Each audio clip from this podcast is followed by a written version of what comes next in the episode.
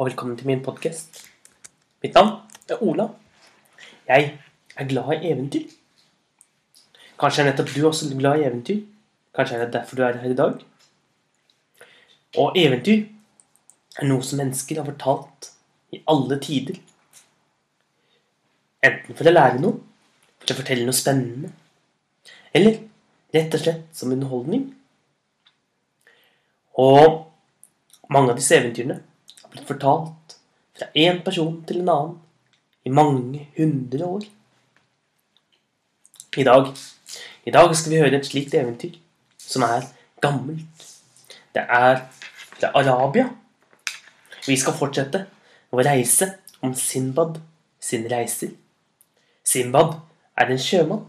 Han reiser ut på syv store reiser på havet. Og alle er farlige. Og vi, vi har så langt hørt om at Simbad har fortalt de fem første reisene sine. Og hvem er jeg? Jo, jeg. En gang for lenge siden så var jeg i Bagdad. Da jobbet jeg som en bærer. Og da bar jeg masse varer for alle de rike mennene. Men så ble jeg sliten en dag, og da bestemte jeg meg for å sette meg ned i en hage og si fram et dikt. Men eieren i huset kom ut. Det var Sinbad. Og han ønsket at jeg skulle fortelle fortelle diktet på nytt. Jeg gjorde det. Siden spiste vi, og jeg fikk god mat. Deilig mat og drikke. Og vi sang og danset og koste oss. Og så satte vi oss alle ned, og Simbad begynte å fortelle om sine reiser. Og hvordan han hadde blitt så ustyrtelig rik. Hver gang han har fortalt om reisen sine, så får jeg 100 gulldinarer. Nok til at jeg kan kjøpe mat i et helt år. Nå hadde jeg vært der fem netter på rad. Og jeg var nysgjerrig på å høre hvordan det kom til å gå videre. Derfor også denne dagen pakket jeg med meg tingene mine og gikk av gårde. Det hadde akkurat blitt mørkt. Og snart sto jeg foran den store villaen der Simbad bodde. Jeg gikk inn, og der inne var det som alltid sang og musikk. Og Simbad smilte når han så meg, og strakte ut armene og omfavnet meg.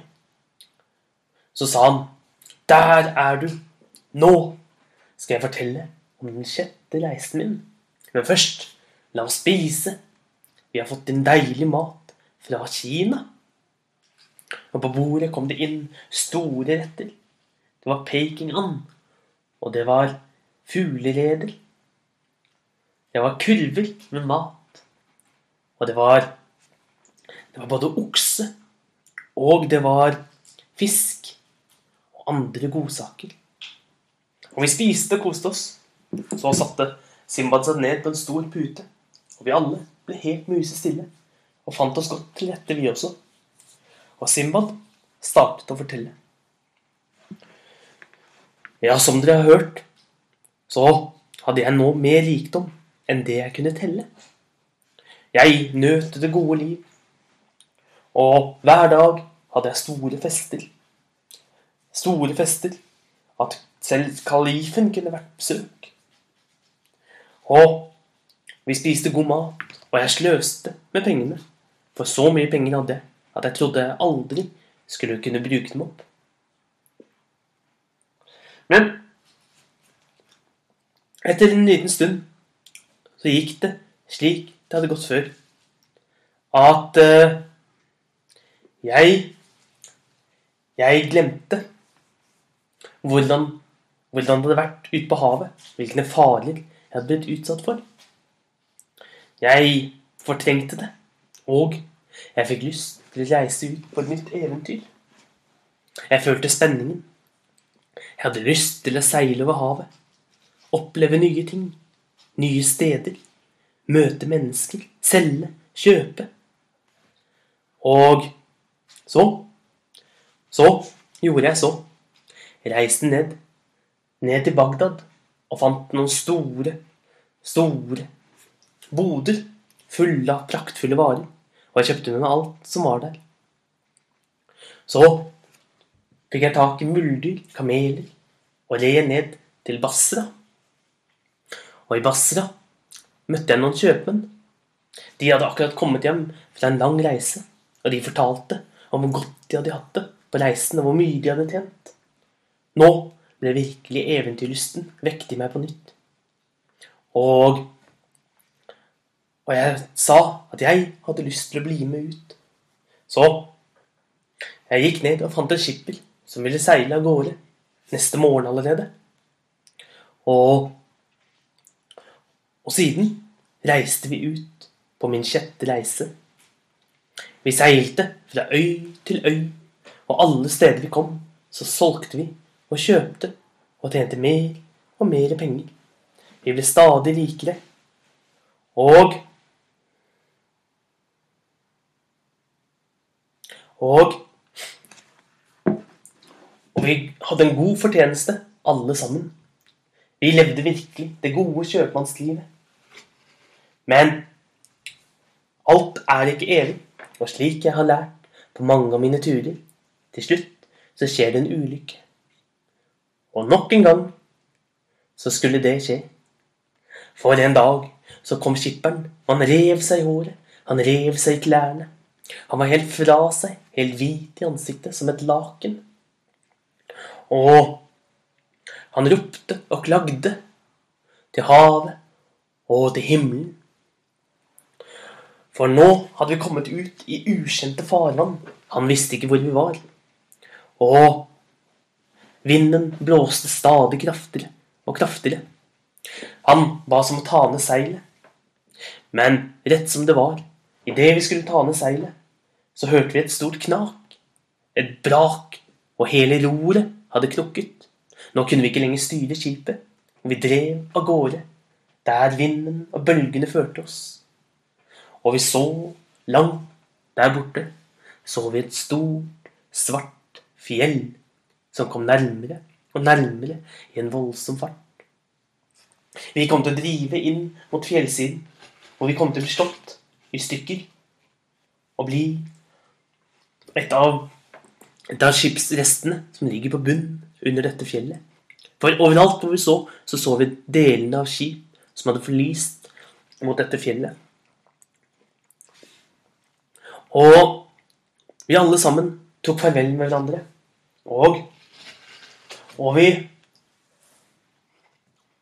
satte oss ned og ba om hjelp. Og skipet ble knust mot fjellet. Alt gikk i stykker. Men jeg og noen av de andre klarte å få tak i noe drive. og vi, vi kom oss til slutt etter en lang, lang natt inn på land og inn på stranden, hvor vi var mer døde enn levende. Men vi lå der og slappet av. Siden spiste vi mat og drakk av vannet vi hadde med oss. Før vi reiste ut på øyen for å utforske den. Her måtte det finnes mye mat, kanskje skatter. Og kanskje kom det et skip hit en dag. De fleste av mennene de bestemte seg for å reise over fjellet for å utforske der. Mens jeg selv, jeg ville oppdage mer på den andre siden. Så jeg gikk innover øyen og fulgte fant snart Der fant jeg snart en elv. Jeg fulgte elven bortover, og jeg så ned i vannet. Og der der så jeg mer rikdom enn det jeg noen gang hadde sett på en øy. For i vannet lå det perler. Store, hvite, rosa perler. Der nede lå det edelstener. Det var smaragder. Skrønne smaragder. Slike som kalifen har. Og det var rubiner. Røde rubiner som blod. Det var Det var bergkrystall. Lilla. Det var svart topaz. Det var jadesteiner. Og Og det var blå safir. Elvebunnen var dekket av rikdom av både perler og edle steiner. Og hva mer var Langs, langs elvebunnen så lå det lå det både rester av ren, rå ambra. Dette er noe som ligner som en tykk voks. Og når det blir spist av sjødyrene, og så blir smeltet inn i magen, så kommer det til slutt ut som en hard klump som man kan selge for riktig masse penger.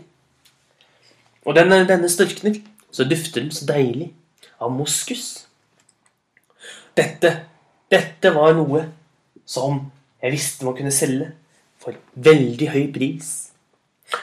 Men det hjalp ikke. For uansett hvor mye rikdom det var på denne øyen, så fant jeg ingen steder hvor det var noe mat. Det fantes ikke frukter eller grønnsaker på hele øyen. Det var ikke noen nøtter. Det var ingen spiselige planter. Og i vannet var det ingen fisk. I sannhet fantes det ingen mat på hele øyen annet enn det som var blitt skyllet til land fra skipet vårt. Snart møtte jeg de andre mennene, de som hadde reist over fjellet.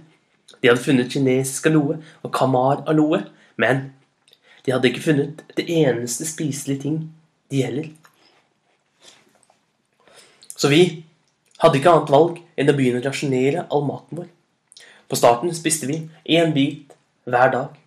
Men siden gikk vi ned til å spise bare én bit annenhver dag. Men Men sulten gjorde at stadig flere ikke klarte seg mer. Og vi måtte begrave dem. Så ble vi stadig færre og færre igjen på øyen. Så kom det fryktelig magesyke, hvor det endte med at de alle sammen døde, unntatt meg. Jeg var den eneste som var igjen. Og nå, nå kunne jeg angre at jeg hadde reist ut på nok en ulykksalig eventyr. Nok en gang hadde jeg blitt så grisk og eventyrlysten at jeg hadde glemt alt det gode jeg hadde, og forlatt, forlatt alt sammen til fare. For nå var det ingen lenger igjen som kunne begrave meg. Så jeg bestemte meg for å grave min egen grav. Jeg fant en spade og gravde et stort, dypt hull i bakken, og tenkte at når tiden var inne, så skulle jeg hoppe nedi her selv, slik at jeg i alle fall fikk en begravelse. Men så kom jeg til å tenke på at elven som jeg hadde funnet, det måtte ha en begynnelse, og det måtte ha en ende. Og hvis så vidt jeg hadde sett, så hadde elven rent inn under fjellet. Kanskje kunne jeg bygge meg en flåte og sitte på den og ro innover og seile under fjellet.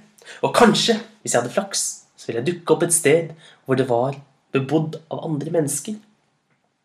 På den måten kunne jeg kanskje redde meg selv.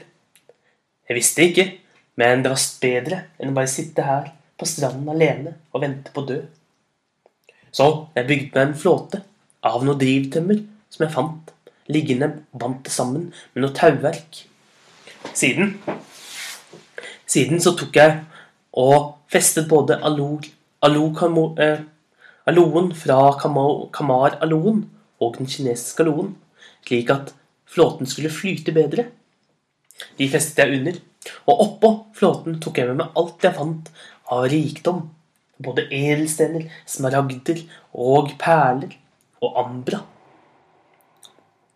Og jeg satte meg på flåten og seilte inn under fjellet.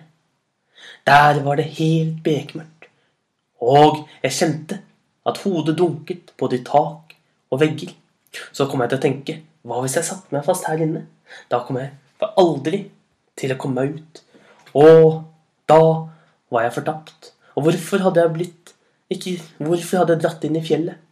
Det var en enda verre ulykke å sitte fast inni her enn å sitte igjen ute på stranden. Men Men men lykken sto meg bi, og flåten satte seg ikke fast, men det ble hele tiden smalere og smalere. Til slutt måtte jeg legge meg ned på magen og ligge helt nede på flåten og fremdeles skrapet hodet i taket. Jeg lå der i en uviss tid, men til slutt så var jeg så sliten, så utmattet, at jeg sovnet. Men da jeg våknet, da var alt lyst rundt meg. Jeg hadde kommet meg til et ukjent sted. Og når jeg så etter, så lå flåten min fordøyd, fortøyd inn til land. Og ved siden av, der kom det gående mange mennesker. Det var Det var uvisst hvor lenge jeg hadde sovet. Men jeg reiste meg og spurte om hvem de var. Men de svarte meg på et ukjent språk. De var nemlig fra India. Det var indre som jeg hadde møtt. Og selv om jeg prøvde å fortelle, snakke til dem, så skjønte ikke de hva jeg sa. Og de prøvde å snakke til meg, men jeg kunne ikke forstå hva de sa. Da til slutt så var det en mann som kom fram, og han kunne arabisk. Og han sa at de var jordbrukere. Og denne morgenen så hadde de vært ute, så hadde de funnet han.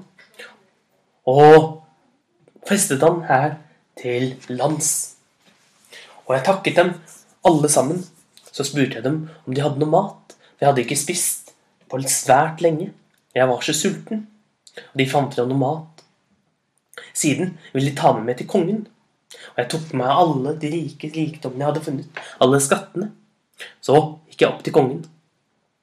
Og kongen, han ville gjerne høre min historie. Og jeg fortalte han hele historien fra jeg hadde reist fra Basra. Og kongen undret seg storlig. Siden ga jeg store gaver til kongen. Jeg ga fra meg all ambraen, alle edelstenene og perlene. Dette var noe kongen likte så godt at han ga meg en, en flott jobb som kongens hjelper. Kongens høyre hånd. Og jeg fikk bo på slottet, og jeg fikk mye rikdom og pene klær. Slik bodde jeg en god stund, men en dag dukket opp et skip som skulle til Basra, og jeg spurte kongen om jeg fikk lov til å sette meg på skipet og reise hjem til mitt eget land. Det fikk jeg lov til, og jeg ble med båten, og vi reiste fra øy til øy. Vi solgte og kjøpte og ble rikere og rikere, helt til vi en dag endelig så Basra. Der, derifra dro jeg rett opp til Bagdad, og jeg dro opp til kalifens slott. Der ga jeg store gaver til kongen. Han undret seg storlig på hvor dette landet var, som hadde slik ambra. Men jeg sa, slik jeg ærlig var, at jeg ikke visste hvor det var. Da lot kongen, eller kalifen, historiene mine skrives ned i den hellige historieboken til kongen. Siden fikk jeg masse penger, og jeg dro hjem, og nå hadde jeg mer penger enn det jeg kunne bruke opp om jeg så aldri så sløste i hele livet. Og det, det, kjære venner, var min fortelling om min sjette reise. Og hvis dere vil, så kommer dere tilbake hit i morgen, så skal jeg fortelle om min siste reise, den syvende reisen. Så reiste han seg og ga meg en stor pung full av hundre gulldinarer. Og jeg takket han, takket han for hans gavmildhet. Og så gikk jeg. Og det, det var den sjette reisen til Simbad. Vi ses igjen en annen gang. Ha en riktig god dag.